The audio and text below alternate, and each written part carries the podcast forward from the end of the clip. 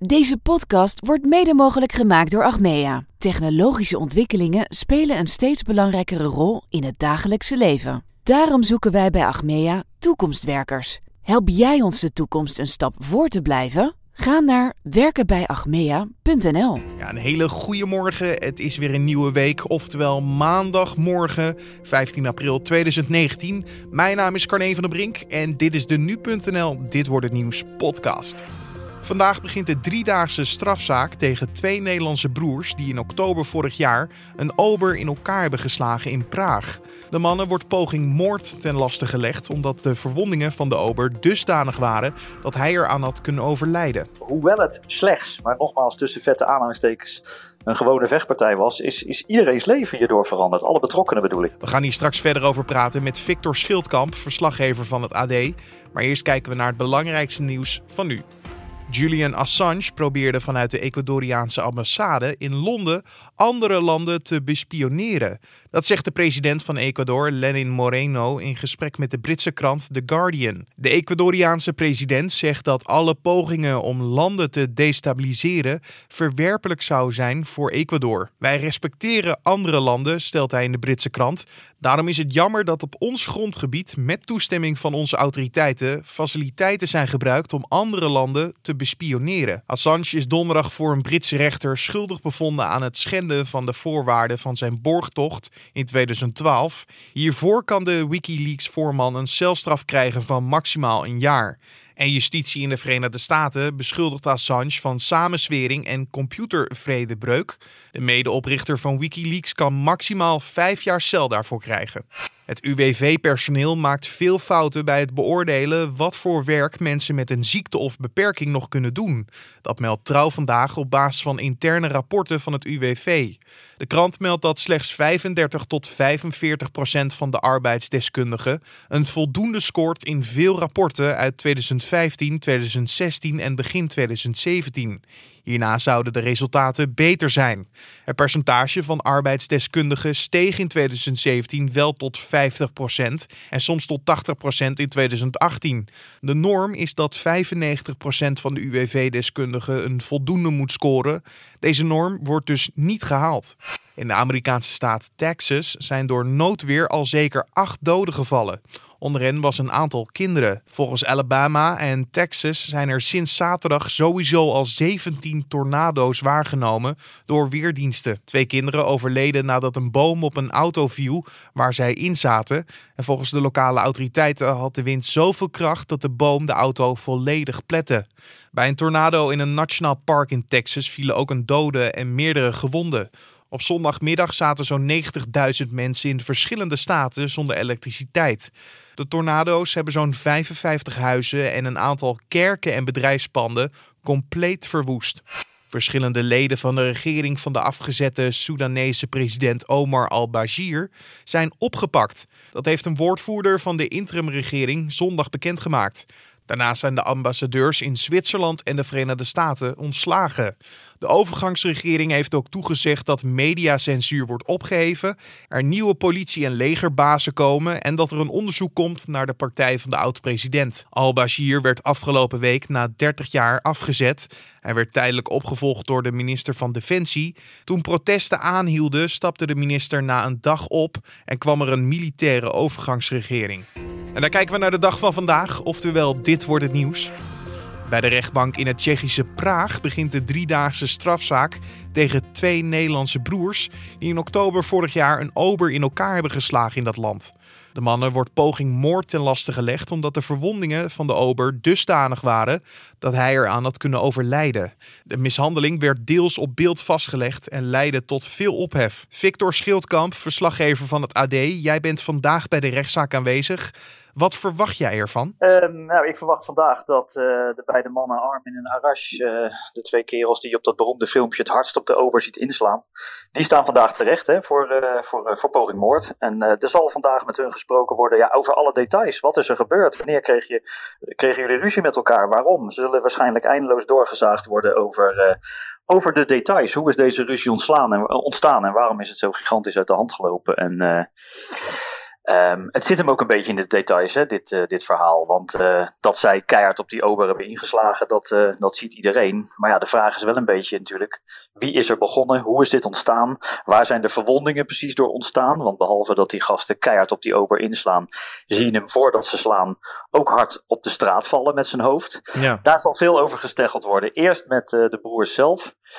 En in een later stadium nog met een dokter, maar dat is niet vandaag. En als het goed is, zal ook de ober Mirek vandaag zelf uh, inspreken bij de rechtszaak. En jij bent daar dus. Uh, jij bent al eerder naar Praag geweest. Hoe ja. leeft het daar, deze zaak? Uh, ik denk net zoals hier. Kijk, het is, kijk die hele zaak is in, in principe is het gewoon, maar ik zet er vette aanhalingstekens omheen een, eh, een vechtpartij, een enorme mishandeling, waar we er helaas zoveel van hebben. Maar deze zaak is natuurlijk beroemd geworden door die, ja, ook wel door dat filmpje, die videobeelden die op een, met een camera zijn opgenomen door een beveiligingscamera, die door de Tsjechische politie zijn verspreid ook, daarom hebben we het allemaal, omdat die gasten pas twee dagen later zijn aangehouden. Dus uh, die zaak is, is mede daardoor heel erg gaan leven. Maar ja, het is natuurlijk ook zo. Um, Weet je, veel mensen gaan op vakantie in Praag, uh, vinden het een mooie stad. Uh, dan wordt er een ober door een groep dronken Nederlanders uh, bijna doodgeslagen. Het leeft, het leeft daar net zoals hier. Dit soort asociaal gedrag moet gewoon genadeloos worden afgestraft. Maar het moet wel volgens de juridische, in de, binnen de juridische kaders gebeuren, uiteraard.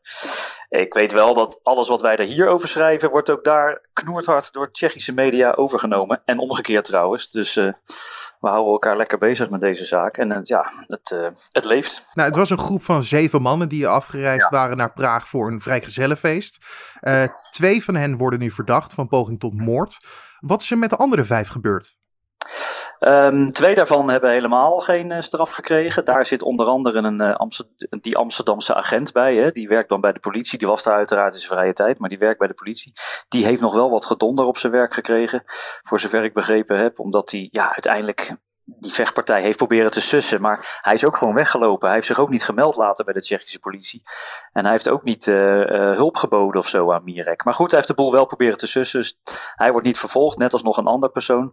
En van die andere drie, die hebben voorwaardelijke straffen gekregen. En kwamen er op die manier vanaf. Konden gewoon naar huis en uh, leven hun leven weer. Maar de beide Haagse broers, die zitten al sinds vorig jaar vast. Inmiddels dus al zo'n 13 maanden. Want weet jij ook of ze al vaker in opspraak zijn geraakt? Nee, ze hadden keurige banen. Um, de een sportschoolinstructeur, de ander deed geloof ik iets met marketing, maar dat weet ik niet precies. Bij mij weten geen strafblad. Um, ja, het is, het is eigenlijk waanzinnig. Het is een weekendje, een, een, weekendje feest vieren en vervolgens stort je hele leven in elkaar. Kijk, dat ze er zonder straf vanaf gaan komen is uh, zo goed als onmogelijk. En uh, het gaat toch wel een paar jaar kosten. Het heeft ze trouwens al een jaar gekost. Ja, da da daarna wordt je leven natuurlijk nooit meer hetzelfde. Dat geldt dus niet alleen voor de ober, maar dat geldt zeker ook voor hun. Dan heb je natuurlijk ook het slachtoffer. Uh, hoe kijkt hij terug op de vechtpartij? Want jullie hebben hem ook gesproken. Ja, hoe kijkt hij terug? Hij werkt nog steeds niet. Hij is, uh, hij is nog steeds onder behandeling. Want de platen in zijn gezicht, titanium is dat geloof ik in zijn kaken, die stoten af. Dus hij is weer geopereerd. Moet waarschijnlijk nog wel een keer geopereerd worden.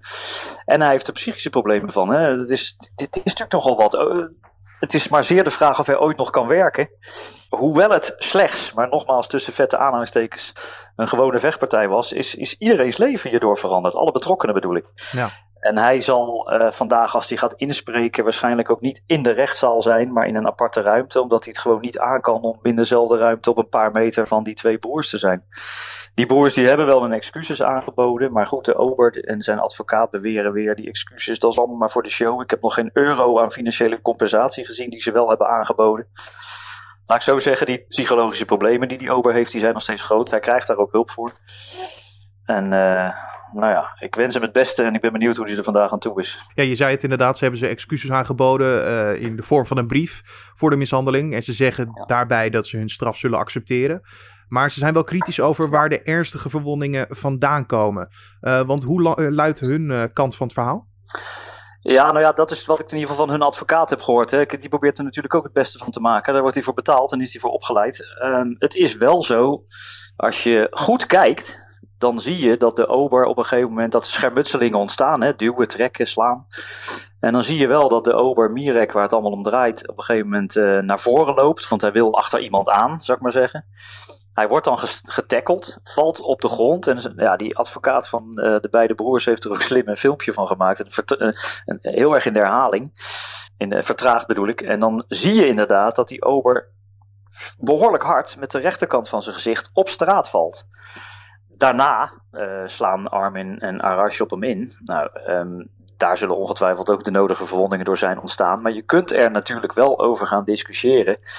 Heeft die eerste val op straat niet um, de meeste verwondingen veroorzaakt? Ja, daar moeten dus nog wat deskundigen over gehoord worden.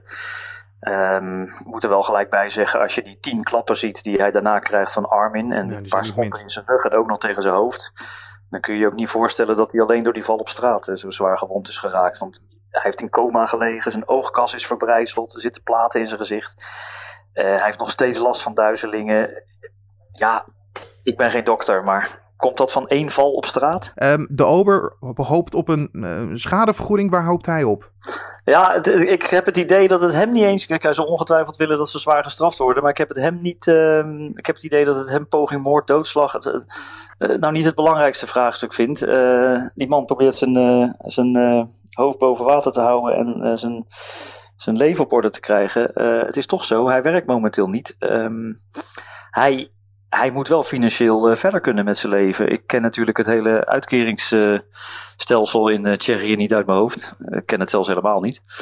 Zij zullen gaan voor een schadeclaim, ja. Maar um, wanneer, dat zal waarschijnlijk pas na deze rechtszaak zijn. En het zal ook gewoon uitgerekend worden waar je recht op hebt. Wat dat betreft gaat het wel een beetje hetzelfde als in Nederland. Er zijn gewoon uh, regels voor wat je kan claimen. En hij zal ook weer gewoon die twee kerels in de ogen moeten kijken. Hè? al dan niet vanuit een andere ruimte het, het, um, ik denk dat hij daar nu vooral mee bezig is. En uh, die schadeclaim komt dan iets later wel. Je hoorde Victor Schildkamp, verslaggever van het AD. En we onderbreken de podcast even voor een bijdrage van onze sponsor Achmea. Achmea speelt als grote financiële dienstverlener in op snelle technologische ontwikkelingen. De aankomende maandagen leggen zij uit hoe zij hiermee omgaan.